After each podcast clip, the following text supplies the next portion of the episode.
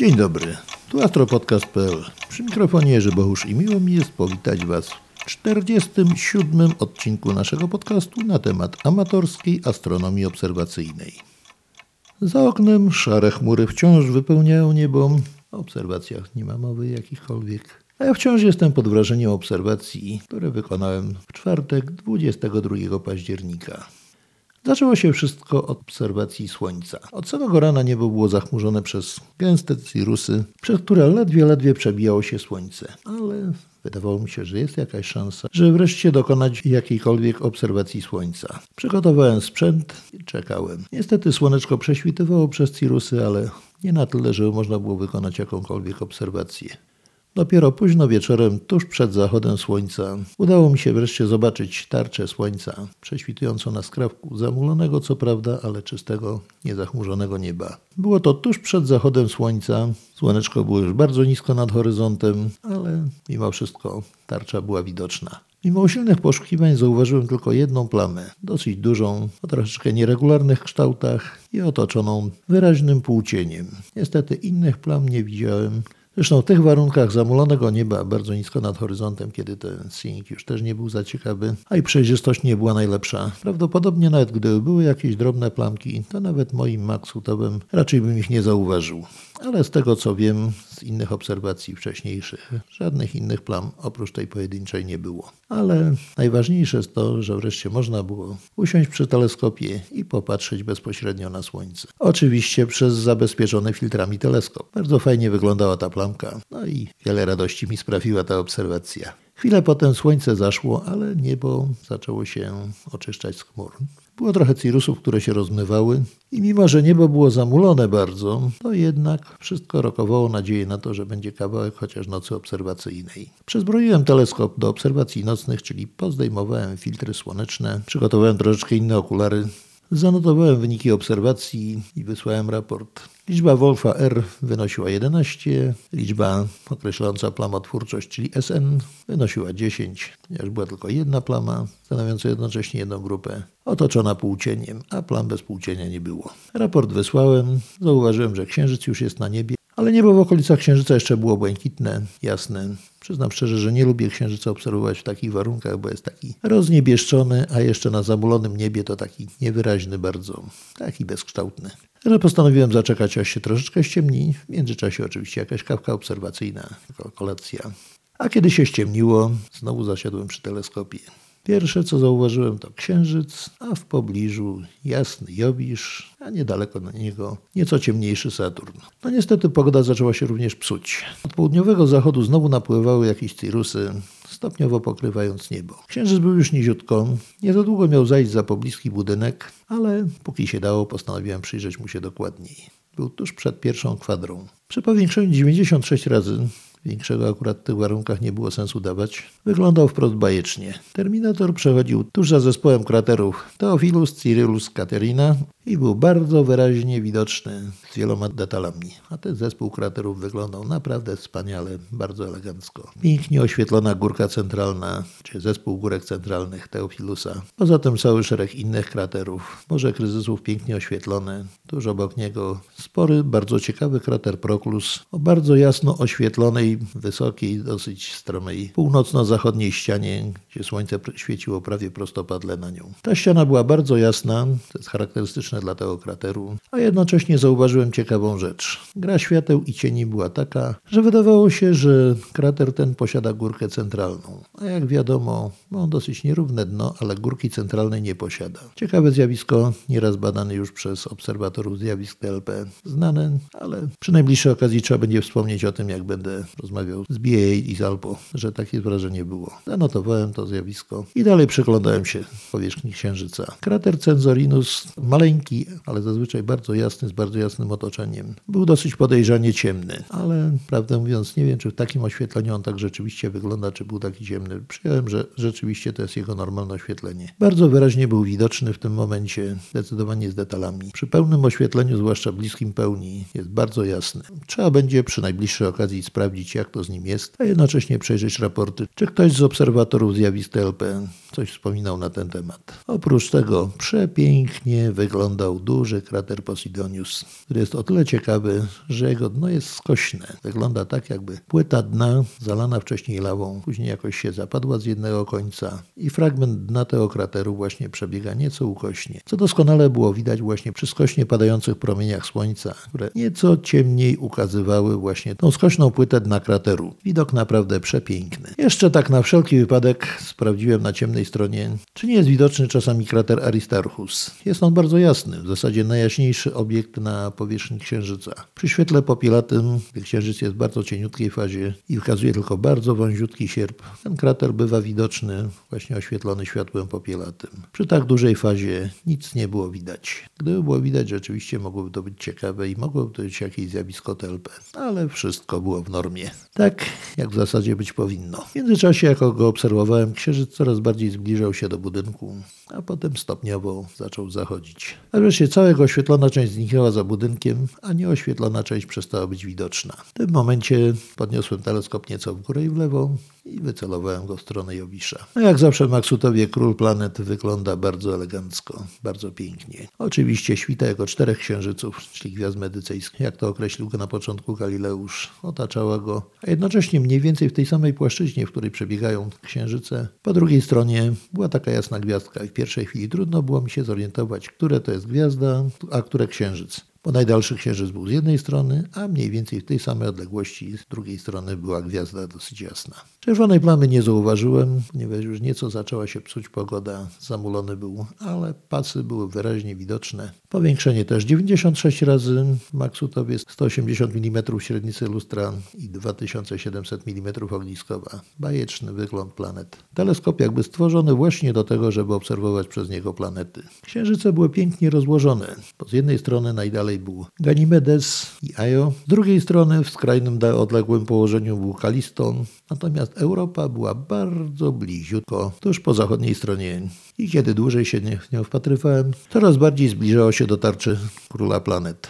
Najprawdopodobniej wystąpiło zakrycie Europy przez Jowisza, ponieważ była coraz bliżej, ale niestety Jowisz jednocześnie schodził coraz niżej, coraz bliżej budynku, za którym uprzednio schował się księżyc. I za chwilę zaczął się zachód Jowisza. Najpierw zniknął Kalisto. Po chwili, w momencie kiedy praktycznie Europa i skraj tarczy Jowisza się stykały, zniknął mi Jowisz, tak dosyć szybciutko zachodząc za krawędź budynku, a potem po kolei zniknęły Ajo, Ganymedes i za chwilę ta gwiazdka. Skoro król planet ze swoją świtą się pochował, skierowałem teleskop nieco wyżej i nieco bardziej w lewo, odnajdując Saturna. Saturn jak zawsze robi ogromne wrażenie, zwłaszcza ze swoimi pierścieniami. Akurat trafiłem na takie okienko w chmurach, gdzie było przejrzyste niebo. Wyglądało to naprawdę wspaniale. Bez trudu było widać przerwę Cassiniego, było widać Tytana, a także chwilami, chociaż dużo, dużo słabiej, było widać nawet chyba Hyperiona. Widać było również pasy na powierzchni globu saturnowego, widać było cień pierścieni i również widać było lekki, wąski cień planety na pierścieniach. Kiedy atmosfera jest rzeczywiście klarowna, przejrzysta, przy dobrym seeingu, kiedy się patrzy na Saturna, to nie ma żadnej wątpliwości, że ten pierścień otacza go nie przytykając do planety. Jest dokładnie tak, jak opisywał Huygens w momencie, kiedy ogłaszał odkrycie, że Saturn otoczony jest pierścieniem nigdzie nie dotykającym do planety a nie są to żadne uszy wystające z planety, tak jak wcześniej większość astronomów uważała. I można by się tak przypatrywać się mu, podziwiać te piękne widoki, aż do momentu, kiedy znowu zaczęły napływać chmury.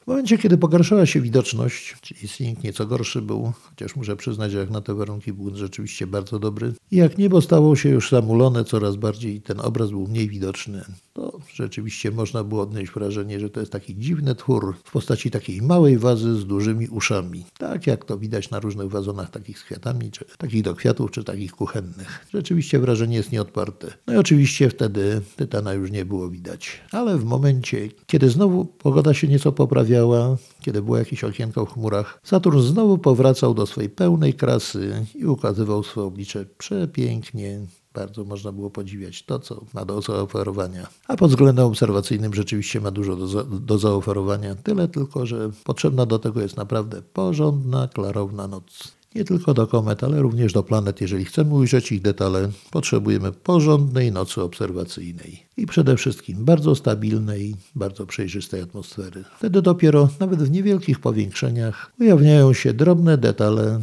jakie występują na powierzchni takich planet. Jednak wkrótce chmury zaczęły coraz bardziej zaciągać niebo, coraz gęstsze się robić i Saturn był coraz gorzej widoczny. Coraz słabiej była widoczna planeta, struktura pierścieni się zatarła, oczywiście o przerwie Cassiniego nie było nawet mowy. Wyglądało to rzeczywiście jak taka dziwaczna waza z uszami dużymi, zawieszona gdzieś tam w przestrzeni. W miarę jak chmury coraz bardziej zaczęły się zbliżać, napływać, przestał już być widoczny gołym okiem i tylko słabo majaczył jeszcze przez chmury w teleskopie, a wkrótce i w teleskopie przestał być widoczny. No cóż, skończyły się wielkie planety, ale jeszcze w zanadrzu był Mars. Spojrzałem w jego kierunku, no niestety schowany był jeszcze za drzewami. Co prawda prześwitywał tak, ale nie za bardzo. A tuż obok niestety stoi dosyć wysoka brzoza i no jakoś nie mam sumienia, żeby ją jakoś, no powiedzmy to zmniejszyć. Fajnie to wygląda to drzewo i szpaki na nim lubią siadywać. Szkoda mi go, ale czasami niestety przeszkadza w obserwacjach. No cóż, trzeba było poczekać. W międzyczasie chmury nadeszły, zakryły praktycznie całe niebo i nawet Mars przestał być widoczny. I cóż zrobić w takiej sytuacji? Szybki rzut oka na zdjęcia satelitarne, oczywiście pod czerwień, bo to już noc była. I okazuje się, że za chwilę powoli powinno się poprawić i powinna nadejść do mnie jakaś szczelina taka w chmurach, gdzie ten Mars powinien być dosyć dobrze widoczny. Nie pozostało nic innego, tylko zaczekać. A w międzyczasie przygotowałem sobie już mapy na uwieńczenie nocy obserwacyjnej, czyli na obserwację komety. Ale do tego wrócimy jeszcze za chwilę. Poczekałem ponad dwie godziny, ale warto było. Mars wyszedł za drzew i ukazał się na prawie idealnie czystym niebie, pełnym gwiazd, które wcześniej były tak dosyć kiepsko widoczne. Oczywiście teleskop prosto na niego, że był wysoko na, na niebie, seeing był dobry, więc można było oczywiście użyć większych powiększeń, większe okulary, ale zacząłem od 135 razy. Widok był przepiękny. Niedawno w audycji na temat Marsa i opozycji tyle wam o nim opowiadałem. Wreszcie sam chciałem zobaczyć, jak to wygląda w praktyce, bo dawno już Marsa nie obserwowałem. W tym roku praktycznie jeszcze ani razu. Więc oczywiście teleskop skierowany na Marsa. Spojrzenie w okular i tak jak wam to już wcześniej mówiłem. Nic ciekawego. Czerwono-pomarańczowy krążek, wyostrzony oczywiście jak należy, ale niewiele w nim widać. Żeby zobaczyć te szczegóły na Marsie, trzeba mu się dokładnie przyjrzeć. Jeżeli tylko na chwilę rzucimy okiem, stwierdzimy, że tam nic nie ma, tylko taki zwykły krążek nie wart uwagi. Dopiero po uważniejszym przyjrzeniu się zaczynamy dostrzegać bardzo subtelne, jednak bardzo wyraźne szczegóły na jego powierzchni. Pierwsza rzecz, jaką ujrzałem, była czapa polarna. Malutka już, w porównaniu z tymi, które wcześniej na zdjęciach zrobionych przez kolegów ze świata oglądałem, kiedy była duża i coraz bardziej malała. Teraz w zasadzie na Marsie jest praktycznie środek lata, więc czapa polarna, jako że jest cienka, nieduża, po prostu wytopiła się, wysublimowała, powędrowała w atmosferę, częściej wsiąkła w glebę marsjańską. I tak będzie się działo aż do kolejnej jesieni, kiedy, będzie, kiedy zacznie narastać i kolejnej zimy, kiedy będzie znowu największa. Dopiero po chwili można było dojrzeć subtelne bardzo zarysy mórz i lądów marsjańskich. Dałem jeszcze trochę większe powiększenie, ale zaczął już odgrywać rolę nieco nie najlepszy seeing, także wróciłem do powiększenia 135 razy. Było idealnie pasujące do tego, do tej sytuacji. Jak na początku wydawała się powierzchnia Marsa taka pomarańczowo-czerwona, jedynie z czarpą polarną na dole, czyli na południowym biegunie, to coraz bardziej zaczęły się te subtelne kontury uwidaczniać. Na północnej stronie był bardziej obszar lądowy, jasno-czerwonawy. Na południowej większość obszarów morskich. Po dłuższym przeglądaniu się można było zauważyć jedną ciekawą rzecz, że w pierwszej chwili te obszary morskie wydają się jednorodne, jednobarwne. Takie szaro-niebieskawo-zielonkawe w porównaniu do obszarów lądowych, które są zdecydowanie czerwono-pomarańczowe. Jednak jak się im dobrze przyjrzeć, przy dobry teleskop, w sporym powiększeniu właśnie, uwidaczniają się niejednorodności ich struktury. Od razu widać, że nie są to obszary wypełnione wodą, które byłyby jednorodne Jednocześnie tylko sterczałyby z obszarów morskich dosyć ostro zarysowane jakieś wyspy czy inne tego typu obiekty, przylądki. Tutaj było to raz jaśniejsze, raz ciemniejsze. Widać było, że nie jest to obszar morski, nie jest to obszar wodny, ale że jest to jakiś stały ląd, tylko pokryty jakimiś substancją podobną, najprawdopodobniej oczywiście pyłem, który w większości pokrywa obszary lądowe. Oczywiście mówimy morskie i lądowe zgodnie z tradycją, bo jedno i drugie jest bardzo suchym lądem w tej chwili, chociaż mówią, że na Marsie istnieje woda według najnowszych badań. Aby tak było, ale mówię o tym, co da się zobaczyć przez teleskop. Także przy dłuższym wpatrywaniu się, przy odpowiednich powiększeniach, odpowiednich warunkach, można zdecydowanie stwierdzić, jak wygląda te obszary, jaki jest ich zarys, jaka jest ich gęstość zabarwienia, że tak powiem, jak się to zabarwienie i jasność rozkłada na obszarach lądowych, a jak na obszarach morskich. Jeszcze jedną ciekawą rzecz zdołałem zauważyć. To, czego wcześniej nie udało mi się zauważyć, no ale to kwestia właśnie i warunków, i odpowiedniego sprzętu. Mianowicie, chociaż Mars ma bardzo rozrzedzoną atmosferę i ma bardzo mało pary wodnej zawiera to jednak kondensują się w niej również chmury. Oczywiście są one na tyle cienkie, nie jest to takie coś jak nasze cumulonimbusy, że są potężne, gęste i widoczne. Raczej przypominają to coś takiego w rodzaju Cirrus nebulosus albo coś podobnego. Takie delikatna woalka jednorodna z chmury. Z góry patrząc na nie ona jest tak cienka, że jest praktycznie niewidoczna. Zresztą może by nie być widoczna, nie istnieć na oświetlonej, nagrzanej słońcem półkuli. Natomiast wszystkie takie gazy skraplające się, czy nawet para wodna, może kondensować po stronie nocnej, tworząc właśnie w atmosferze takie obłoki. Te obłoki były właśnie widoczne, jako takie jaśniejsze, białawe, na półkuli północnej, na kierunku wschodnim Marsa najbardziej, na zachodnim już mniej były widoczne.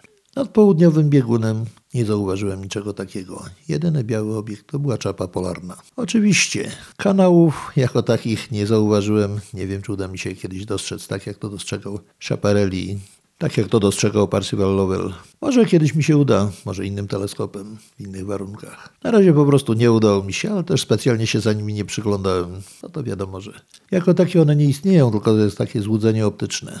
Może optyka współczesnych teleskopów jest zbyt dobra, a nasza wiedza zbyt duża na ten temat, żebyśmy ulegali tego typu złudzeniom. No ale fajnie byłoby ujrzeć to, co kiedyś nasi poprzednicy oglądali. Chociażby tylko po to, żeby zobaczyć, jak to wygląda. A skoro już Mars tak ładnie się ukazywał, warto było również rzucić na niego okiem poprzez filtry. Oczywiście podstawowe czerwony, niebieski, ale że to jest planeta, można było różnie, o różnych barwach. Jak się przyjrzeć dokładnie, to się jednak okazuje kolorową planetą, nie tylko czerwoną. Wiem także żółty, pomarańczowy i zielony.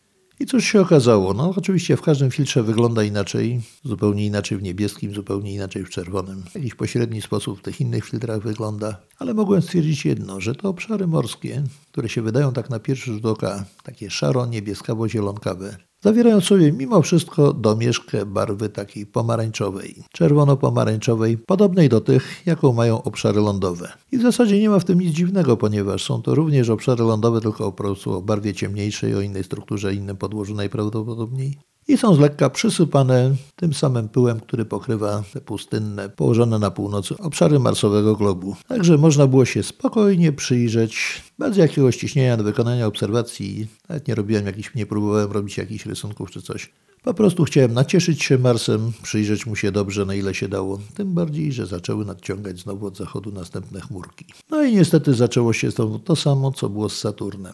Coraz gorzej widoczny, coraz słabiej, gołym okiem prawie już niewidoczny. Przez teleskop jeszcze widać go było, ale zaczęły się zacierać szczegóły, zaczęły się zacierać kontury tych mórz w końcu przestała być widoczna nawet czapa polarna, która jako pierwsza zaczęła się w oczy, bo kontrastuje dosyć jasno biała plama z pomarańczowo-czerwonym tłem, aż w końcu, podobnie jak Saturn, przestał być widoczny nawet w teleskopie. Także Bóg wojny niestety przegrał z chmurami.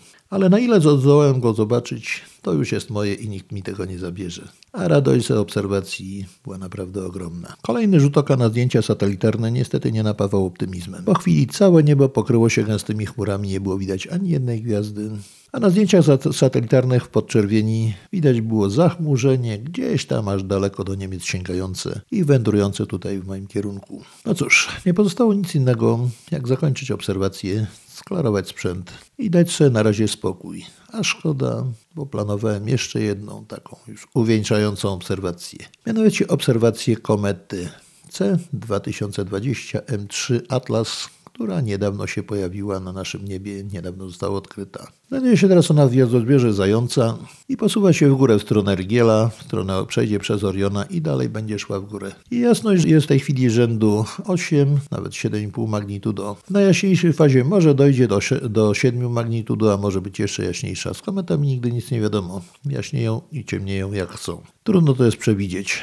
Oczywiście są specjalne wzory, algorytmy i tak na przeliczenie, ale nie zawsze się to sprawdza. Tak jak jej trasa na niebie i położenie efemeryda orbita da się ściśle wyliczyć. Tak, niestety jasność można przewidywać. Czasami trzymają taką przewidzianą jasność, ale częściej jednak nie.